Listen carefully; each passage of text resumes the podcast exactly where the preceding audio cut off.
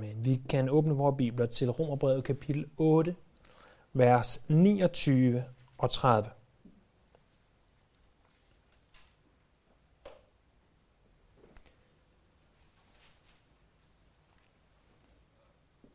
Her skriver Paulus.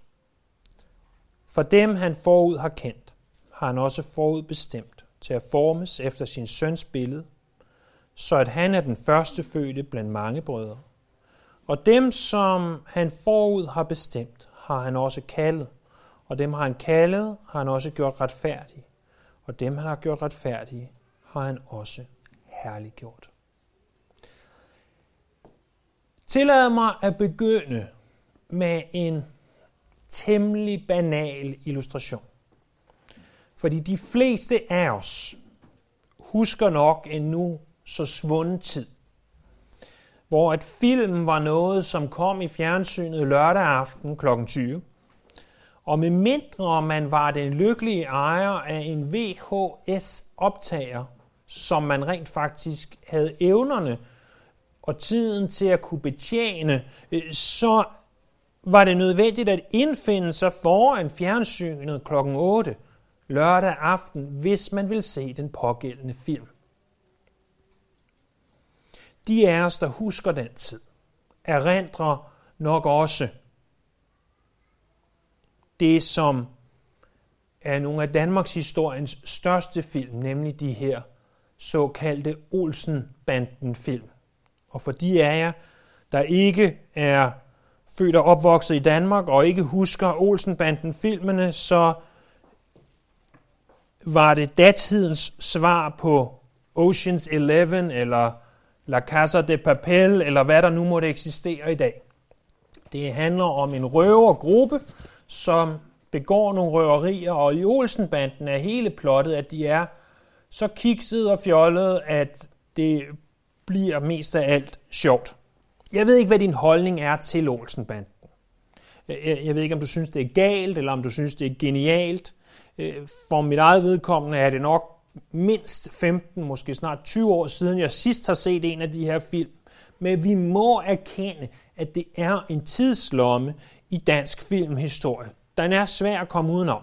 Og jeg er godt klar over, at en illustration om film vil kunne støde superhellige mennesker, der aldrig måtte have set en film i deres liv. Men for alle os andre, der husker Egon kom spacerende ud af vrisløse statsfængsel med en pakke under armen, og så ende i den her lille lejlighed med sine to øh, temmelig kiksede øh, medsammensvorene, og så proklamerer de næsten udødelige ord. Så står det klart for os, og de ord de er, jeg har en plan. Jeg har en plan. Planen den var planlagt. Den kom i en bestemt rækkefølge. De skulle bruge bestemte ting, alt fra en øh, minitank til en gummiand til øh, you name it. Alle de mærkeligste ting. Et billede af dronning Margrethe og prinserne. Alle mulige mærkelige ting skulle de bruge. Men det, der er essensen, er, at han havde en plan. Han havde en plan for det største kub nogensinde. Resten af filmen, den handler jo, som de fleste af jer ved nok om, hvordan han prøver på, at de prøver på at gennemføre den her plan, og det går faktisk nærmest altid i vasken, og de to medsammensvorene, de stikker af, og Egon ender tilbage, hvor han hører hjemme, nemlig i fængslet. Sådan kan vi grine af, af Egon og Kjeld og Benny. Men der er en anden, som har en plan. Det er vores Gud. Han har en plan. Han har en frelsesplan, og til forskel for Egons plan, så fejler Guds frelsesplan aldrig. Den ligger fast.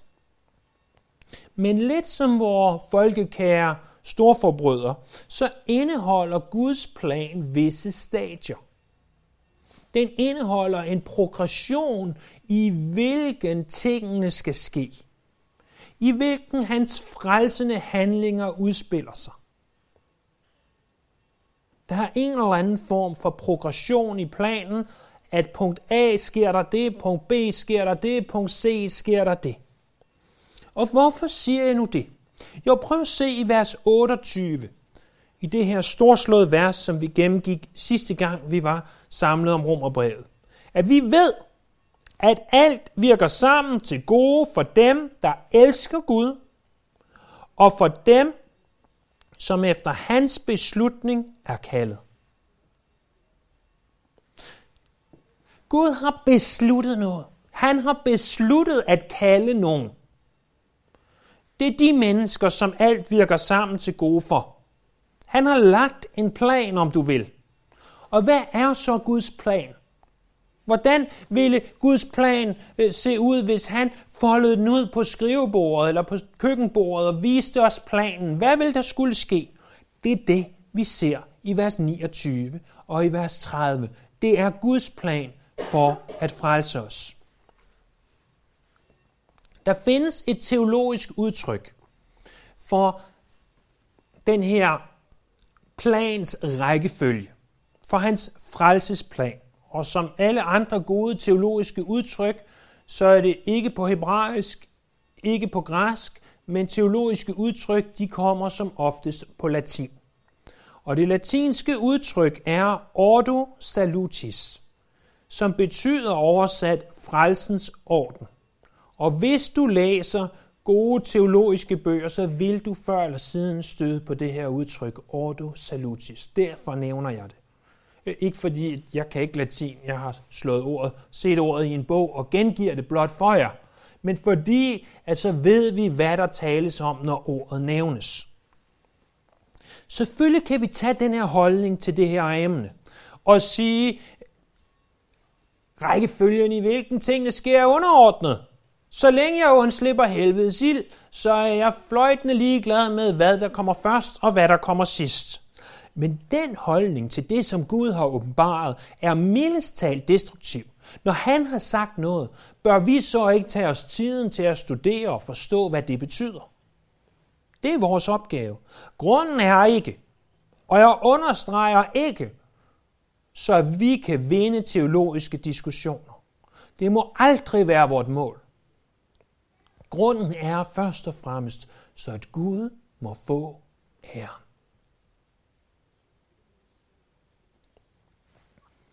Når vi så har sagt det, den her ordo salutis, den her frelsens orden, i hvilken rækkefølge tingene kommer, når vi så ser på vers 29 og 30, så er det ikke alt i den her frelsens orden, ordo salutis, som teologerne kalder det, der er indholdt her. Der er ting, som vi kunne tage med, som ikke er her. Men her i vers 29 og 30, der får vi givet fem led eller fem dele af Guds plan. Det er naturligvis øh, på mange måder de fem vigtigste. Så kunne man argumentere for, at der var nogle andre, der også var vigtige, men, men der er i hvert fald fem, som Gud øh, har givet os her. Og de her fem ting, der står om i vers 29 og 30, dem har man givet et andet ord, nemlig frelsens kæde. Nogle kalder den frelsens gyldne kæde. Hvorvidt du vil kalde den gylden eller ej, det er underordnet. Ideen er, at det er en kæde. Og hvad er det, der er med en kæde, der er så specielt? Det er, at den hænger sammen. Der er led i den. I den her kæde er der fem led, og de fem led hænger sammen. Og hvis bare et af ledene forsvinder, så er kæden ikke komplet. Og der er en sammenhæng, og, vi må forestille os, at den som en halskæde hænger sammen i en. Så, så det er en lang kæde. Så hvis bare et af ledene forsvinder, så er det ikke længere en sammenhængende halskæde. Så vi skal forestille os, og til jer guldpiger, så kan I forestille jer en gylden kæde. Til os andre kan vi forestille os en stor tung en i metal, hvis I vil det. Det er sådan set underordnet. Forestil jer en kæde, der øh, hænger rundt om halsen, eller hvor den hænger, som hvis et led forsvinder, så er det slut. Så er det ikke længere en halskæde, så er det ikke længere en sammenhængende kæde. Der er fem led i den her kæde. Hvad er de fem led? Jamen, vi ser det der i teksten. Prøv at se med mig i vers 29. Dem han for det første forud har kendt. Det er punkt 1, det er led 1. Dem har han også led 2 forud bestemt til at formes efter sin søns billede, så at han er den første fødte blandt mange brødre. Og så i vers 30 led 3, og dem, som han forud har bestemt, det var led 2, har han led 3 også kaldet, og dem, han har kaldet, har han også gjort retfærdige, led 4, og dem, han har gjort retfærdige, har han også herliggjort, led 5. Der er altså fem led. Det første er, at han forud har kendt, det andet forud bestemt, tredje kaldet, fjerde retfærdiggjort, femte herliggjort. Hvis vi tager de fem led, og så kigger på de hjælpeord, der bruges omkring dem, øh, så vil vi se et mønster. At det første og andet led, der bruges ordet forud. Det er fordi det er noget, som Gud har gjort forud. Det tredje led, som er anden del, er det midterste. Det er sammenhængen. Det, det er der, hvor at del 1 og 2 og del 4 og 5, de bliver koblet sammen. Og det er der, hvor han har kaldet. Og, og så del 4 og 5, der står, at vi er gjort retfærdige, og vi er herliggjort skal nok komme tilbage til igen, hvad det betyder, men det er alt andet lige det, som øh, bliver gjort med os. Og jeg ved godt, det ikke er den bedste teologiske måde at sige det på, men, men det forklarer ordene. Hvis vi skulle illustrere de her tre stadier, så skal I tænke, og, og nu vil jeg jo næsten ønske, at nogen af de små drenge var herinde, for nu skal vi tale om kraner. Jeg ved, de elsker kraner og, og den, sådan nogle ting. Men, men forestil jer en kran, sådan en rigtig stor kran. Du står dernede på jorden, og du kigger op på den her 50 meter høje kran. Du kan ikke engang se, om der sidder en mand oppe i kranen. Men oppe i kranen, der sidder der en mand. Og han beslutter sig for på et eller andet tidspunkt at trykke på de rigtige knapper. Eller hvordan, jeg har aldrig været oppe i sådan en kran. Jeg ved ikke, hvordan det foregår, men jeg forestiller mig, at der er nogle knapper og nogle håndtag og nogle forskellige ting. Så han, han trykker på de rigtige knapper. Det er det, der har gjort forud. Det er del 1. Og så pludselig, så begynder armen at bevæge sig. Han har forud gjort noget, så bevæger armen sig og dykker ned og tager en grab fuld grus. Og del 3 er så, at i det han har gruset i graben, så løfter den sig op hen og ned i lastbilen eller den bunke, hvor han er ved at samle grus, eller hvad der nu er ved at ske. Det er del 3. Så del 1, altså det, der sker forud, forudkendt, forudbestemt, det er noget, du ikke ser. Det er en, der sidder og trykker på nogle knapper, så at sige. Del 2, altså det her med at kalde, det er der, hvor der sker noget aktivt, hvor den graber ned og tager grus, jord eller småsten, eller hvad du vil. Og del 3, det er der, hvor det bliver dumpet i lastbilen, bunken med jord, eller hvad du vil. Det er det, der er. Endeligt, indledningsvis, og når jeg siger endeligt, så er det langt fra, fordi prædiken er ved at være slut, den er kun ikke engang begyndt endnu. Indledningsvis, så, så bliver jeg nødt til at sige, at Romerbrevet kapitel 8 handler jo om vores frelses vidshed. Det, at vi kan være sikre på, at hvis vi virkelig er frelst, så forbliver vi frelst. Så mister vi ikke vores frelse.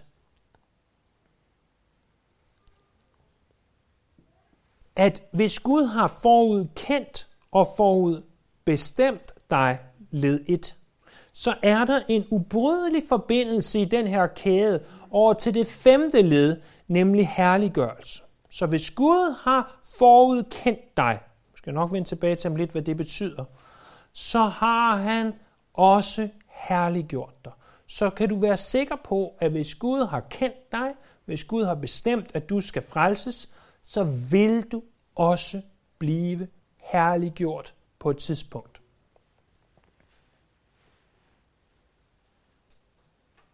Fordi hvis en kristen kunne miste sin frelse, så vil Guds plan fejle. Så vil han ikke være bedre end Egon Olsen.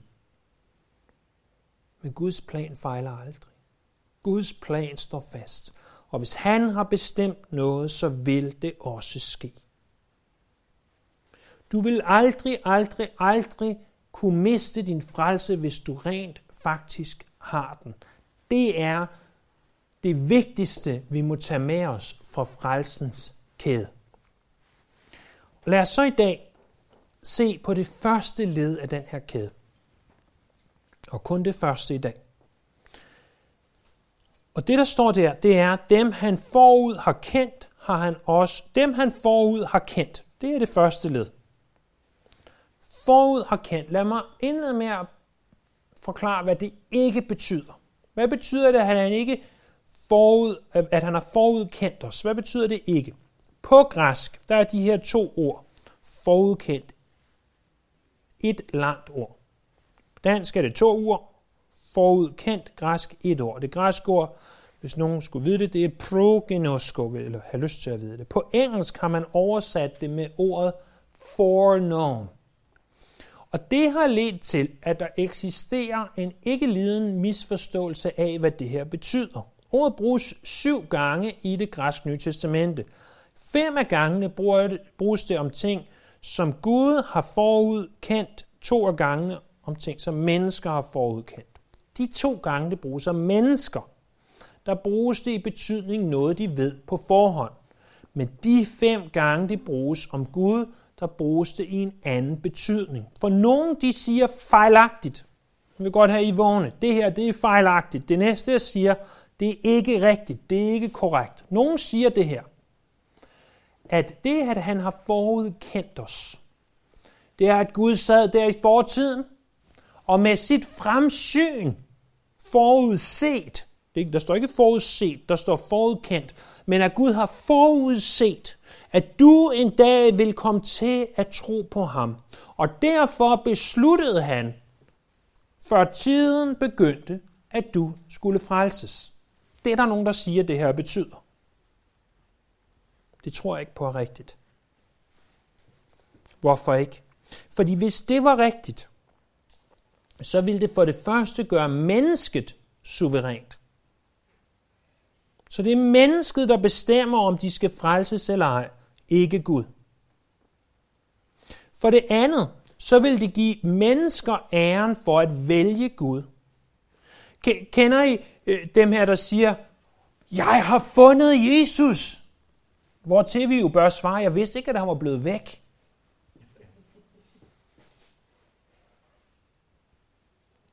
Det, det, jeg kan jo godt forstå, hvad de mener. At de havde ikke Jesus i deres liv, nu har de Jesus i deres liv, og jeg, jeg værdsætter da, at de siger det, og jeg er da begejstret over, at de er begejstrede over det. Men, men nej, vi finder ikke Jesus. Jesus finder os. For det tredje, det her, det vil jo forudsætte, at mennesker rent faktisk søgte efter Gud. Men vi ved fra Romerbrevet kapitel 3, vers 11, at ingen søger efter Gud. For det fjerde, så vil frelsen blive menneskers værk. Hvis det handler om, hvad du gør, at du tror, og derfor er du frelst, og så er Gud næsten tvunget til at vælge dig, så vil det jo være dig, der fik æren. Det vil være dig, der gjorde, at du blev frelst. Og det er sandt, at vi må tro. Og vi skal nok vende tilbage til nødvendigheden af, at vi er nødt til at tro.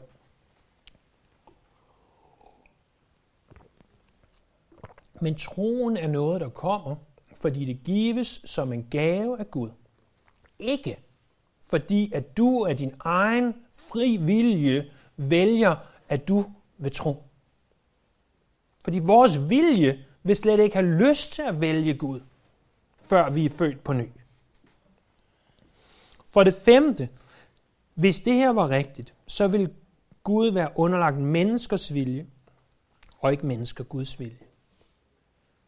Jeg ved godt, det er kontroversielt det her. Jeg ved godt, det måske ikke er det, du har hørt tidligere. Jeg ved godt, du måske endda ikke engang er enig. Det er også okay. Det skal ikke skille os ad. Men, men tænk over det. Prøv, prøv at tænke videre. Hvis Gud bare har set ind i fremtiden og set, at du vil tro, så er han underlagt at reagere på det. Og tænk så, hvis Gud han sad og så ind i fremtiden og tænkte, nu kan vi tage vores egen statsminister for ikke at, at træde på nogle andre. Lad, lad os antage, at hun ikke er en kristen. Jeg kender hende ikke personligt. Jeg ved ikke, hvad hendes trosforhold er. Men, men lad os antage, at hun ikke er en kristen. og Gud bare sidder der i fortiden og tænker, nej, bare Mette Frederiksen vil tro, bare hun ville, så kunne jeg udvælge hende, så hun blev en kristen. Det, det er jo, når vi stiller det sådan op, så er det jo næsten absurd, fordi jeg tænker så, hvad jeg kunne udrette, hvis Danmarks statsminister var en kristen. Prøv at høre. Hvis Gud vil, at Danmarks statsminister skal være en kristen, så skulle han nok have udvalgt hende, hvis han ikke har gjort det. Det ved jeg jo ikke. Og hvis hun ikke er en kristen, det kan også være, hun er. Jeg aner det ikke. Men, men det skal han nok sørge for. Det kommer altså ikke an på, hvorvidt hun vil det eller ej. Vil hun stadigvæk skulle omvende sig? Vil hun stadigvæk skulle tro på evangeliet? Ja. Men det er ikke, fordi hun gør det, at Gud frelser hende. Gud frelser hende, og så gør hun det. Nå, hvad betyder det her så? For det første, det er noget, han har gjort. Prøv igen at se med mig i teksten. Vers 29. Nu skal vi se, om vi kan tælle her. Vi skal tælle ordet han. For dem, han, det var en, forud har kendt, har han to også forud bestemt til at formes efter sin søns billede, så at han tre er den første fødte blandt mange brødre. For dem, som han fire forud har kendt, har han, for dem han forud har bestemt, har han også, har han også kaldet, og dem han, seks, har kaldet, har han syv også gjort retfærdige, og dem han, otte, har gjort retfærdige, har han ni også herliggjort. Jeg, og ikke mindst min computer, tæller, at der er ni gange ordet han står i de her to vers. Det er, hvis jeg stadigvæk kan regne, fire og en halv gang i gennemsnit per vers. Det er mange. Der må være en pointe her. Det er fordi, som Jonas udtrykker det i Jonas kapitel 2, vers 9, frelsen kommer fra Herren. Ikke fra mennesker, men fra Herren. Der er en tendens til i evangeliske kredse, at vi lægger frelsen i vores hænder. At vi siger, jeg fandt Jesus. At vi siger, jeg har gjort det og det. Men når Paulus beskriver frelsens kæde, så siger han ikke, jeg har gjort, jeg har gjort, jeg har gjort. Så siger han altså, han har gjort. Det, det er som sagt korrekt, at du skal tro, og du skal omvende dig, men udgangspunktet er ikke med dig. Jeg er ked af, som man vil sige på engelsk, to burst your bubble. At universet centrerer sig ikke om din navle. Du er ikke den vigtigste person i det her univers. Det kan godt være, at du er den vigtigste for dig. Du er ikke den vigtigste. Gud er den vigtigste. Det er ham, om hvem alting centrerer sig, ikke om dig. Det er ham, der altid tager initiativet. Så det er det første. Det er noget, han har gjort. For det andet, så er det noget, der sker forud. Frelsen af mennesker, det at mennesker bliver frelst, det er Guds beslutning. Det var det ord, vi så i vers 28. Og det går jo stik imod vores stolthed. Gør det ikke? Vi, vi tror, at frelse skyldes enten, hvis vi ikke forstår, hvad frelse er, at vi har opført os godt. Uh, jeg hjalp mange gamle damer over vejen. Jeg kom i kirke, jeg læste min bibel, jeg bad, og så og hvis vi forstår lidt mere, så siger vi, ah, men jeg er frelst, fordi jeg tror. Det er jo også rigtigt. Men vi er nødt til at forstå, at frelse er forud. Det er noget, han gør for det første. For det andet, så er det noget, der sker forud. Men forud for hvad, spørger du? Det sker forud for det tidspunkt, du tror. Det ser vi i Efeserne kapitel 2, vers 8 og 9. Men det sker også forud for det tidspunkt, du bliver født. Det ser vi i Jeremias kapitel 1, vers 5. Men faktisk ser vi i Efeserne kapitel 1, vers 4, at det sker forud for verden blev grundlagt.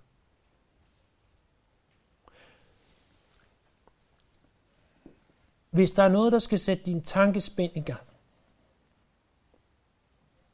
og hæve dit selvværd, så lad det være det her. Lige så længe Gud har været til, det ved jeg godt, man ikke kan sige, fordi han er evig. Men lad os nu bare sige det alligevel. Lige så længe Gud har været til, der har han kendt dig. Der har han valgt dig. Der har han sagt, jeg vil være sammen med dig. Fra før verden blev grundlagt. Guds frelsesplan var ikke en nødplan. Guds frelsesplan er ikke en plan B. Det er planen. Det var ingen overraskelse for Gud, at Adam og Eva de spiser et træet til kundskab om godt og ondt. Han vidste det ville ske. Han sætter træet i haven, for at han må få al ære. Vi forstår det ikke, for vi vil ikke have gjort det. Måske. Men Gud gør det, for at han må få æren. Han vidste, de ville synde, og han vidste, de ville synde, og at syndefaldet ville komme, og derfor havde han fra begyndelsen planlagt frelsesplanen. Da Spurgeon holder ikke sin første prædiken, men den første nedskrevne prædiken, som er i hans 63 bind store værk, der genfortæller han med et glimt i øjet en historie, som John Newton, det er ham her fra Amazing Grace, han altid fortalt. Det var en kvinde, som forsøgte at forklare det her med, at Gud har udvalgt os. Og, og hun sagde, Herren må have elsket mig fra før jeg blev født. For efter jeg blev født, vil der ikke have været noget at elske. Og, og det er jo selvfølgelig noget pjat, men, men derfor så forklarer det alligevel med det her glemt i øjet, at det kommer før. Den tredje og sidste ting, vi ser, vi har set, at det er noget, som han gør. Vi har set, det er noget, som er forud. Og for det tredje og sidste, så ser vi det her ord kendt. Han har forud kendt os. Og hele betydningen af det her, det står og falder på ordet kendt. Fordi hvis kendt alene betyder, at han forudså,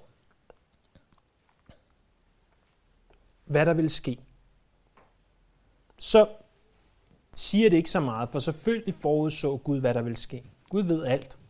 Gud har forudset alt. Han ved, hvad du laver lige nu, han ved, hvad du tænker lige nu, han ved, hvad der skal ske i morgen og i overmorgen og i går og alle tider. Selvfølgelig gør han det. Ellers vil han ikke være alvidende. Ordet kendt må betyde noget andet. Og hvis vi går tilbage og ser igennem Mosebøgerne og profeterne, så forstår vi bedre, hvad ordet kendt betyder. I 1. Mosebog kapitel 4, vers 1, der får vi det her ord kendt. Det vil sige, det gør vi ikke i vores danske oversættelse.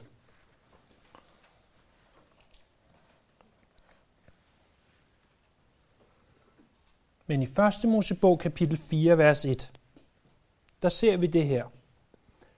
Adam lå med sin kone Eva, og hun blev gravid og fødte Kain. Hvis vi læser det på hebraisk, så står der, at Adam ikke lå, men kendte sin kone Eva. Ja, selvfølgelig kender han hende. Han bor jo sammen med hende. Det, det betyder ikke, at han kommer til kendskab af hende. Det betyder, som man rigtigt fortolker det her, at han går i seng med hende, så hun bliver gravid og kan få et barn. Det er det, ordet kendt betyder. I 2. Mosebog, kapitel 33, vers 17. Og I kender jo godt det her med, at vi siger, igen med et meget stort smil på læben, om man kender nogen bibelsk eller ej. Det er jo selvfølgelig det, det betyder, at man har det her helt intime fællesskab. 2. Mosebog, kapitel 33, vers 17. Så står der her.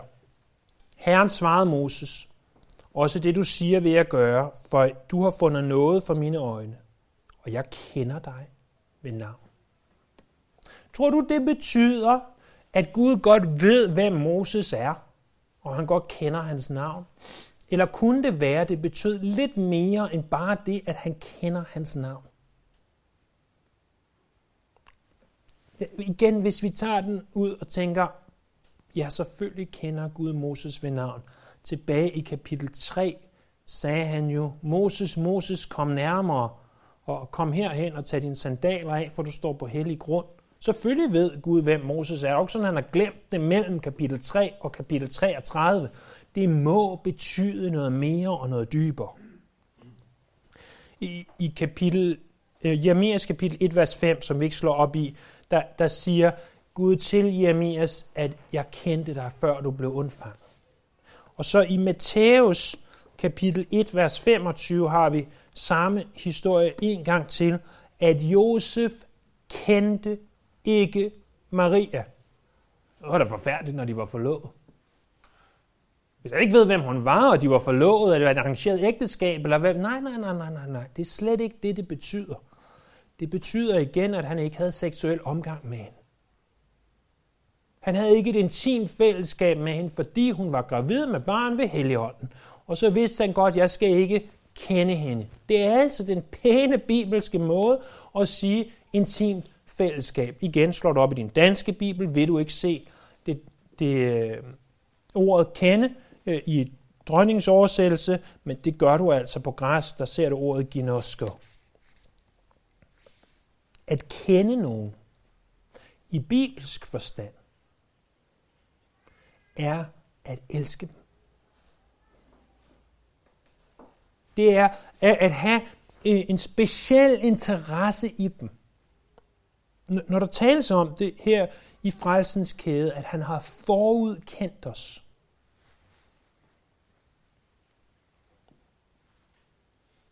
Så har han valgt forud for tiden at elske os. Og der findes et andet ord for det her forudkendt. Det er ordet udvælgelse. Ordet udvælgelse. Og det er der, jeg tænker, hvis, hvis vi tænker over det her et øjeblik, og vi ikke nødvendigvis begynder, for det kunne vi også godt, men, men hvis vi ikke tænker på alle de teologiske implikationer af det her, og hvad det kunne risikere at betyde, og at vi må blive bange for, hvad det betyder, hvis vi bare tænker på den her fantastiske sandhed. Hvis du er en kristen i dag, så er det fordi, at Gud altid har elsket dig. Han har valgt at sætte sin specielle kærlighed på dig. Jeg ved ikke, hvordan dit selvværd ellers er. Jeg ved ikke, hvordan du går rundt nødvendigvis og har det. Om du allerede har misset dit nytårsforsæt. Om det er gået i vasken, og du tænker, at jeg er også en stor fiasko.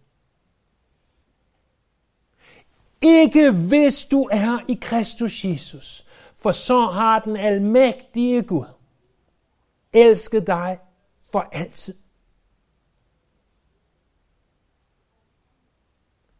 Vi kan ikke være en fejltagelse, når Gud elsker os. Det kan ikke lade sig gøre. Han har elsket dig.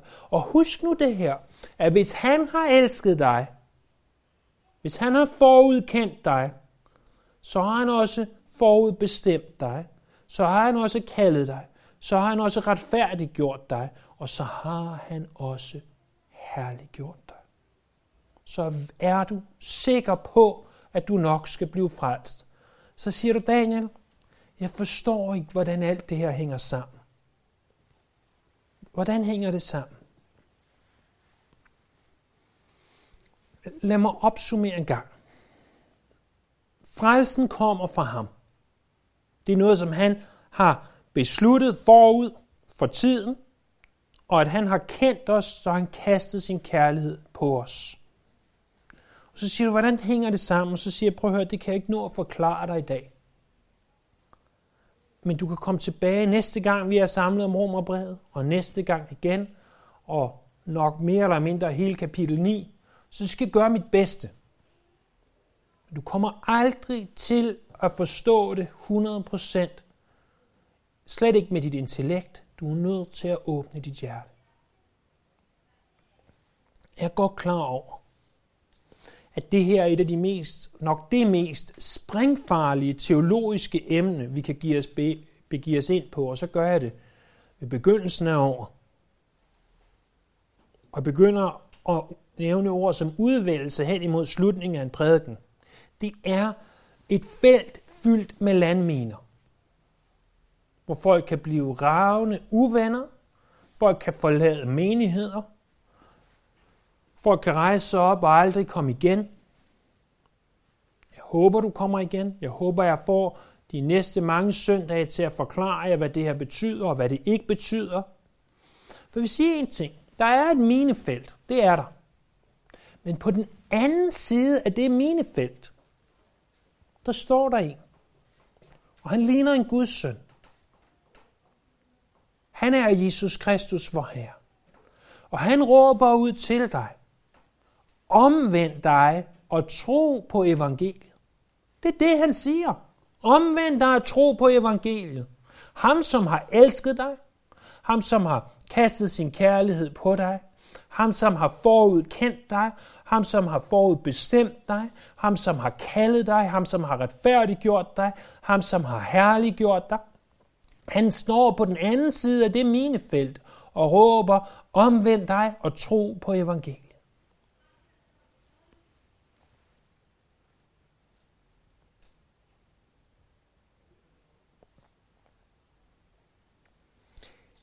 Alt det her, for at Gud må kunne få æren. For at vi må forstå, at det her handler ikke om os. Det handler om, hvor stor han er. Det kan godt være, at det gør, at du tænker, Nå, så, så det er ikke mig, der har frelst mig selv. Det er rent faktisk Gud, der har frelst mig.